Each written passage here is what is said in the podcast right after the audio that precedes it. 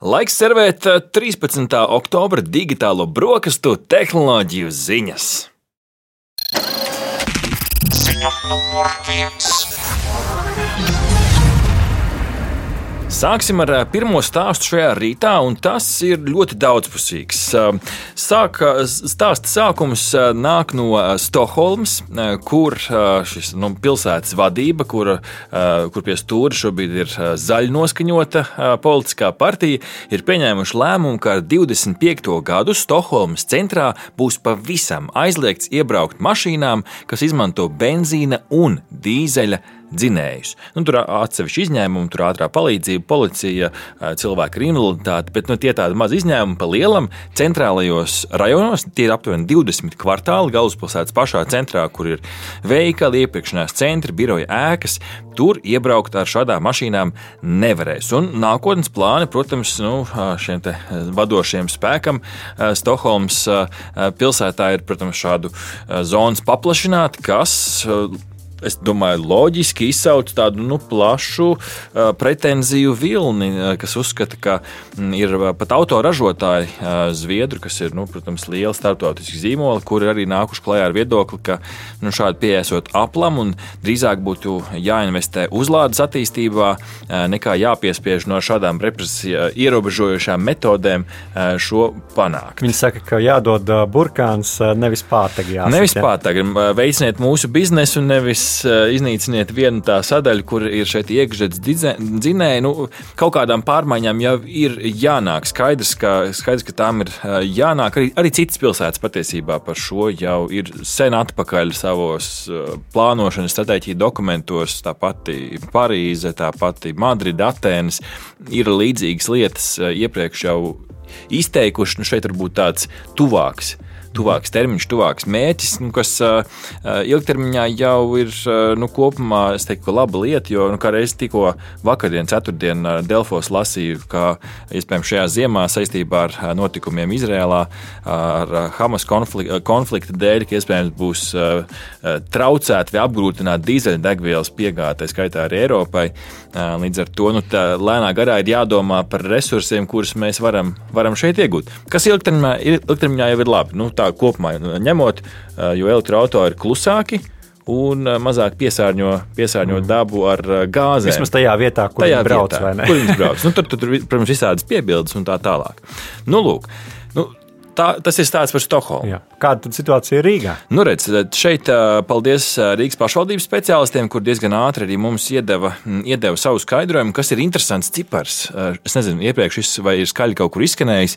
Rīgu vidēji dienā šķērso 300 tūkstoši transporta līdzekļu. Tad, nu, turpu šurpu kaut kā jau ir skaitīts, kaut kāda metodoloģija tam ir.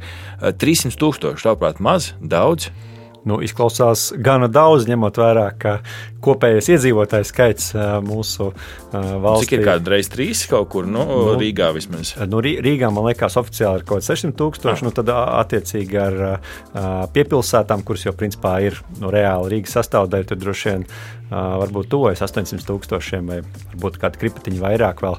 Bet jā, līdz ar to šis ir gan daudz. Nu, es domāju, ka arī daudz cilvēki vai nu savu biznesa vajadzību dēļ, vai arī ikdienas nu, tādas svārstveida migrācijas, kā to mēdz saukt, tad mm -hmm. no mājām uz darbu brauc ar, ar, ar saviem transporta līdzekļiem. Un, te, protams, droši vien tā galvenā atbilde ir sabiedriskais transports. Pieņem, ka arī nu, Rīga tas, domā. tas ir jā, uz to arī liek Rīga uzsver. Es teiktu, ka kopumā vērtējot nu, Rīgas pašvaldības atbildi uz, uz, uz šo jaunumu, es teiktu, ka Rīga pie tā pragmatiskāk, jo mērķis jau ir kāds - samazināt skaņu un piesārņojumu, kas nu, tīpaši centrā un Rīgā un tagad apkurss sezonā, starp citu, tas gaisa piesārņojums ar tām mikrodaļiņām patiešām sasniedz tādus jau vērā ņemamus līmeņus. Bet jā, sabiedriskais transports ir atslēga, līdz ar to Rīgas pilsēta liek uzsvaru uz to, lai vairāk veicinātu ar labu sabiedrisko transportu, veicinātu cilvēku vēlmi izvēlēties tādu kopbraukšanas risinājumu. Un tā skaitā tas nav runa tikai par, par transporta līdzekļiem, bet arī par to, kā pārvietot pārvietojās. Interesants viens projekts, nosaucts Metrobus.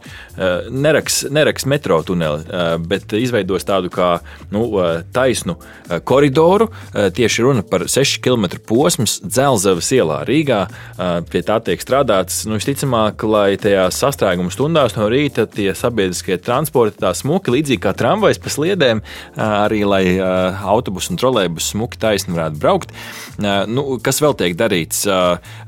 Rīgas centrā vecrīgā, protams, iebraukt var ātruma ierobežojumi arī šur tur ir, bet tieši ātruma ierobežojumi arī Rīgas apkaimēs ir tas, kā tiek arī šajos, ne tikai centrālajos, centra, pašā, pašā Rīgas, Rīgas sirdī, bet arī šajās apkaimēs tiek, tiek strādāts pie, pie šī gāzu un, un skaņu samazināšanas, no attiecīgi 30 un 20 km zonas, un te mums atsūtīja gar, garo sarakstu, kur šogad tā, šādi ierobežojumi ieviesti - Kanste, Centrs, Brāzā, Agenskalns, Sarkandāgau, Bērnu Kliniskā universitātes slimnīca, Bērģi un citu vietu, attiecīgi gan ierobežojumi, gan arī guļošie policisti. Arī ar vien vairāk šogad līdz oktobra beigām pat 60 jauni. Nu, un tur ir pamanīts, ka, ka ir jāsamazina, jāsamazina ātrums. Nu, un, protams, Laikam jau tā vecā, vecā labā Rīgas problēma, ka visi mūsu spēkrati, tā skaitā lielie smagie, kuri tikai brauc eh, cauri Rīgai, viņi tiešām brauc cauri Rīgai. Jā, un, cauri vecpilsētu arī caur, pa krastmalu, piemēram. Arī pa krastmalu, piemēram, un attiecīgi tur, tad, protams, cieši kā gaisa, tā skaņa, tā arī paši ceļi. Un arī drošība noteikti. No, attiecīgi, tas risinājums ir izbūvēt, izbūvēt jaunus koridorus, ar kuriem var, var apbraukt. Kā, nu, es teiktu, nu, Piekrīt, Rihard, ka tāda pragmatiskāka pieeja no Rīgas nevis vienkārši pateikt, ka vecrīgā iebraukt vairs nevarēs, vai arī vajadzētu. Vienmēr jau tas viss slēpjas kaut kādā um, lietu kombinācijā, gan ir jābūt burkāniem, gan pātagām. Un, uh, šeit noteikti ir jāmeklē katrai pilsētai, protams, labākais, uh, labākais veids, kā to panākt. Un, droši vien ir sākumā jārada iespējas, piemēram, šīm smagajām mašīnām apbraukt Rīgas centru. Tāpat jau šobrīd ir dažādi ierobežojumi, kas neļauj neļauj, piemēram, vecpilsētai braukt cauri, tai jābrauc ir apkārt. Tāpat ir zonas, kur ir samazināts ātrums. Un, man liekas, tiešām atslēga ir sabiedriskais transports tajā brīdī, ja ērtāk un ātrāk un vieglāk būs atbraukt, piemēram, ar modernu vilcienu, tad droši vien cilvēki to arī izmantos. Un izkāpjot no vilciena, viņiem būs ērts tālāk turpinājums viņu ceļam centrā, kā multimodālais transporta mēsls. Tad droši vien arī tas būs jau daudz labāk. Un, un tā mēs varam turpināt ar dažādām tām lietām. Bet skaidrs, ka noteikti arī kāda pātaga būs nepieciešama, un to jau tad droši vien būs jālemj Rīgas domē. Ziņa numur divi.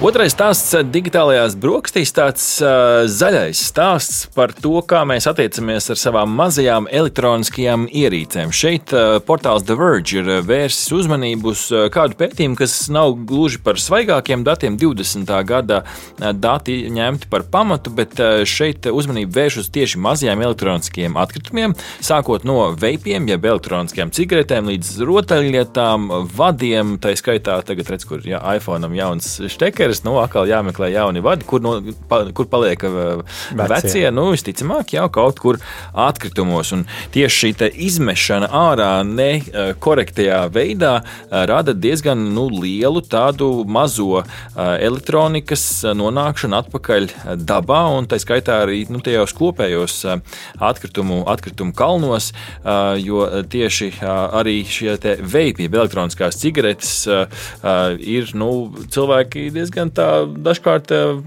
bezatbildīgi attiecās, vienkārši tos kaut kur aizmetot. Eh, un eh, tie pētījumi apkopotais cipars ir diezgan interesants.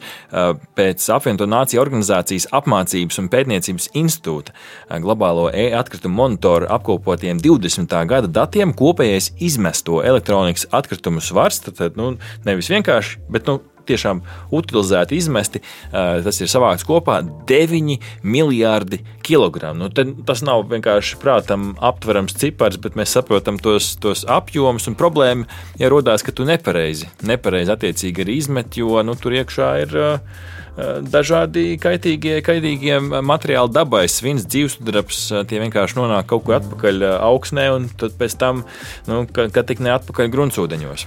Jā, nu, skaidrs, ka vied, visu teikt, veco ierīču pareizu utilizēšana nav nekāds jaunums. Tas ir izaicinājums jau desmit gadiem ilgi, taču jaunākais pētījums izgaismo tendenci, ka laicīgi nepamanīt problēmu, ka šajā gadījumā ir mazā izmēra elektroniskās cigaretes nepareizi izmestas lielos kvantumos, pēc laika var pārtapt ekoloģiskā katastrofā. Jā, un mēs arī centāmies ap, apzināt to situāciju no dažādām pusēm. Tā skaitā arī vērsāmies pie Latvijas beztabakas produktu asociācijas, kas pārstāv, protams, industriju.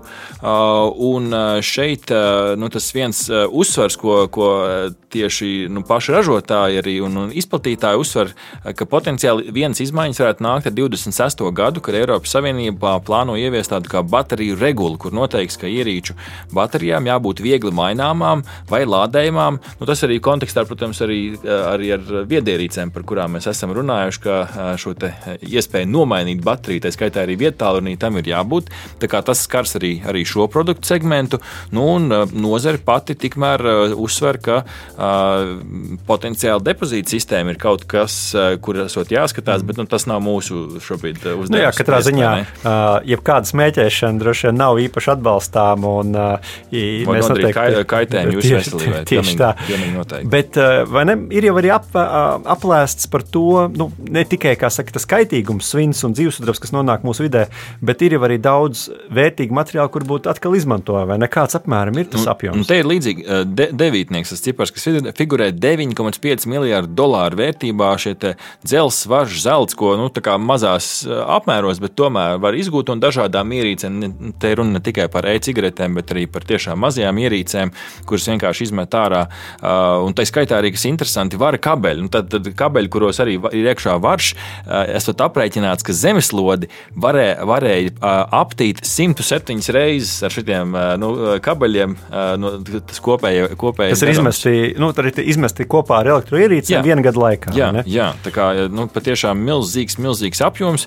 Nu, tad jautājums ir, nu, kur tad viss nonāk? Nu, diezgan bieži tas nonāk tīpaši Rīgā, Getliņos. Un te mēs arī uh, prasījām, prasījām komentāru uh, Getliņa eko uh, pārstāvim.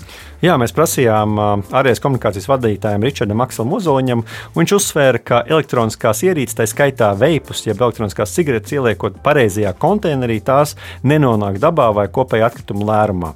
Problēmas cēlonis ir brīdis, kad cilvēks izmet elektroniskās cigaretes kopā ar pārējiem sadzīves atkritumiem. Rezultātā visi atkritumi sajaucas, un pēc tam mehānismus tos ir principā neiespējami atdalīt. Realtātē gandrīz visi maz izmēri nepareizi izmestie elektronikas atkritumi nonāk kopējā atkrituma kalnā. Un līdz ar to būt būtiski ir nejaukt tos kopā ar citiem atkritumiem, bet nodot pareizi, atdalīt, pare, atdalīt pareizā konteinerā. Kas pēc tam notiek ar pareizi izmestajiem elektronikas atkritumiem, tas ir labs jautājums. Un tā atbilde ir tāda, ka tos atkritumu šķirošanas uzņēmums savāc un nodod pa ķēdī tālāk konkrētajai atkrituma apstrādēji. Kā mazotā, lielāka izmēra elektroniku, stiklu un tam līdzīgi. Tā kā ir vērts šķirot, un te man liekas, dažādās iepirkšanās centros ir šīs kastes, kur to mazo elektroniku var izmest. Ziņa numur 3. Un noslēdzošais stāsts digitālajās brokastīs gar, gaužām garšīgs, gribētos teikt, no pārtiks tehnoloģiju startupa Revo Foods, kas septembrī kļuva par pirmo uzņēmumu, kas piedāvā tirzniecībā jau 3D drukātu vegānisku laša fileju. Uzņēmums no Vīnes nāk, tur arī kaut kur varot veikalos nopirkt, un šur tur internet, internetā arī varot pasūtīt, gan uz Latviju nē. Nu, un tad šeit Revo Evo Foods izpildu direktors Robins Sims, raksturojot uzņēmumu gatavoto 3D drukāto lasi, uzsver, ka tas ļoti labi klājas slāņos. Gluži kā nu, īstā zivs, kas ir tāda nu, diezgan slāņa veidīga, ko mēs varam eh, izbaudīt tajā brīdī, kad taisam lašmaizītes. Eh, tam ir līdzīga eh, garša, taču kā jebkurai gaļas alternatīvai, tam nebūs tā identiskā garša, kas ir īstam lasim. Tad līdzīgi, bet nu, varbūt ne viens pret viens, jo viņi izmanto drukāšanā, kas interesanti, mikroproteīnu, ko iegūst no sēņu saknēm un pievienojot arī augu taukus klāt. Un drukāšanā izmantots um, patiešām tādas dabiskās, dabiskās vielas, tātad nu, dabiskas izcelsmes, bet varbūt līdz galam kā zivs ne gluži. Um, nu, lūk, un, diezgan dārgs, esot daudz dārgāks par parastu lasi, bet nu, cilvēkiem laikam kaut kāda interese ir. Ir īpaši, ja vēl uzliek, kā mūsdienās jau patīk, visur to bio, vegāniskais, ja vēl šo uzliek pa virsmu, nu, tad mārketings sasit plaukstus un priecājās. Bet mums, protams, ir savi vietējie kontakti, savi vietējie eksperti, un mums ir komentārs par šo no viena mūsu paziņas. Jā, patiesi, kā digitālām brokastīm skaidroja 3D drukāšanas eksperts Frits Spirtnieks, Latvijā pagaidām nav dzirdēts par ēdienu, e, tieši ēdienu 3D drukāšanas mēģinājumiem.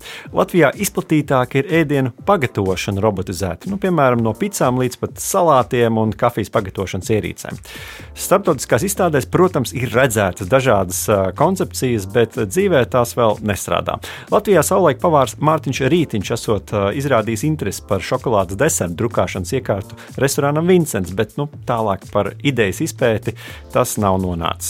Pasaulē kafejnīcas līmeņa ēdieniem tuvākais um, ir redzēts pankūku drukāšanas aparāts. Tas ar šprici padod pankūku tādu mikstūru slāni pa slānim uz karstas pannas. Nu, tas gan aizņem aptuveni 10 minūtes. Līdz ar to šis risinājums nekādi neatsver klasisko pankūku pagatavošanu. Lielākais izaicinājums 3D ēdienu drukāšanā ir sagatavs, jo gaļas printēšana, piemēram, salīdzinot ar pankūku printēšanu, ir pilnīgi cits sarežģītības līmenis. Gaļu kārtot slāņos, kā kompozītu materiālu, ja tā var izteikties, uh, lai arī tas izskatās uh, dabiski un apetīti izraisoši, ir ļoti, ļoti sarežģīts process. Un uh, svarīgi ir nevis, ka iekārta spēj saražot vienu smuku burgeru maizīti, bet gan to, ka, to, ka tā to var izdarīt tādos lielos iz, izmēros, lai tas būtu izdevīgi. Nu, tā tad vēl gana tāls ceļš ejams. Nu, ja es tev priekšā noliktu tagad, Viena lašmaizīte ar klasisko, nu tur ir pipariņa, varbūt kāda, kāda olīvīte, un blakus te noliktu 3D drukātu. Ko tu ņemtu? nu, droši vien atkarīgs no izsalkuma. Grūti izvēle, jo man visticamāk gribētos pamēģināt arī to uh, 3D drukāto lasi. Nu, ja mēs tam vēl, vēl acis aizsien, un tagad te nu saproti. Un gan jau, ka varētu, un tās sēnes gan jau, kas piedīsies cauri, tās baravikas un tās, uh, tās gailenītes, vai ne? Jā, noteikti jāpamēģina, un tad jau, tad jau varēs saprast. Tā kā nu, mēs šeit dodam ideju dažādiem jaunu uzņēmumiem Latvijā. Aha! Paldies, ka noklausījāties mūsu līdz galam! Ja patika, uzspiediet like, atstājiet komentāru vai padalieties ar draugiem. Un nobaudiet arī citas epizodes, kā arī sekot mums, lai nepalaistu garām savu ikdienas tehnoloģiju ziņu devumu.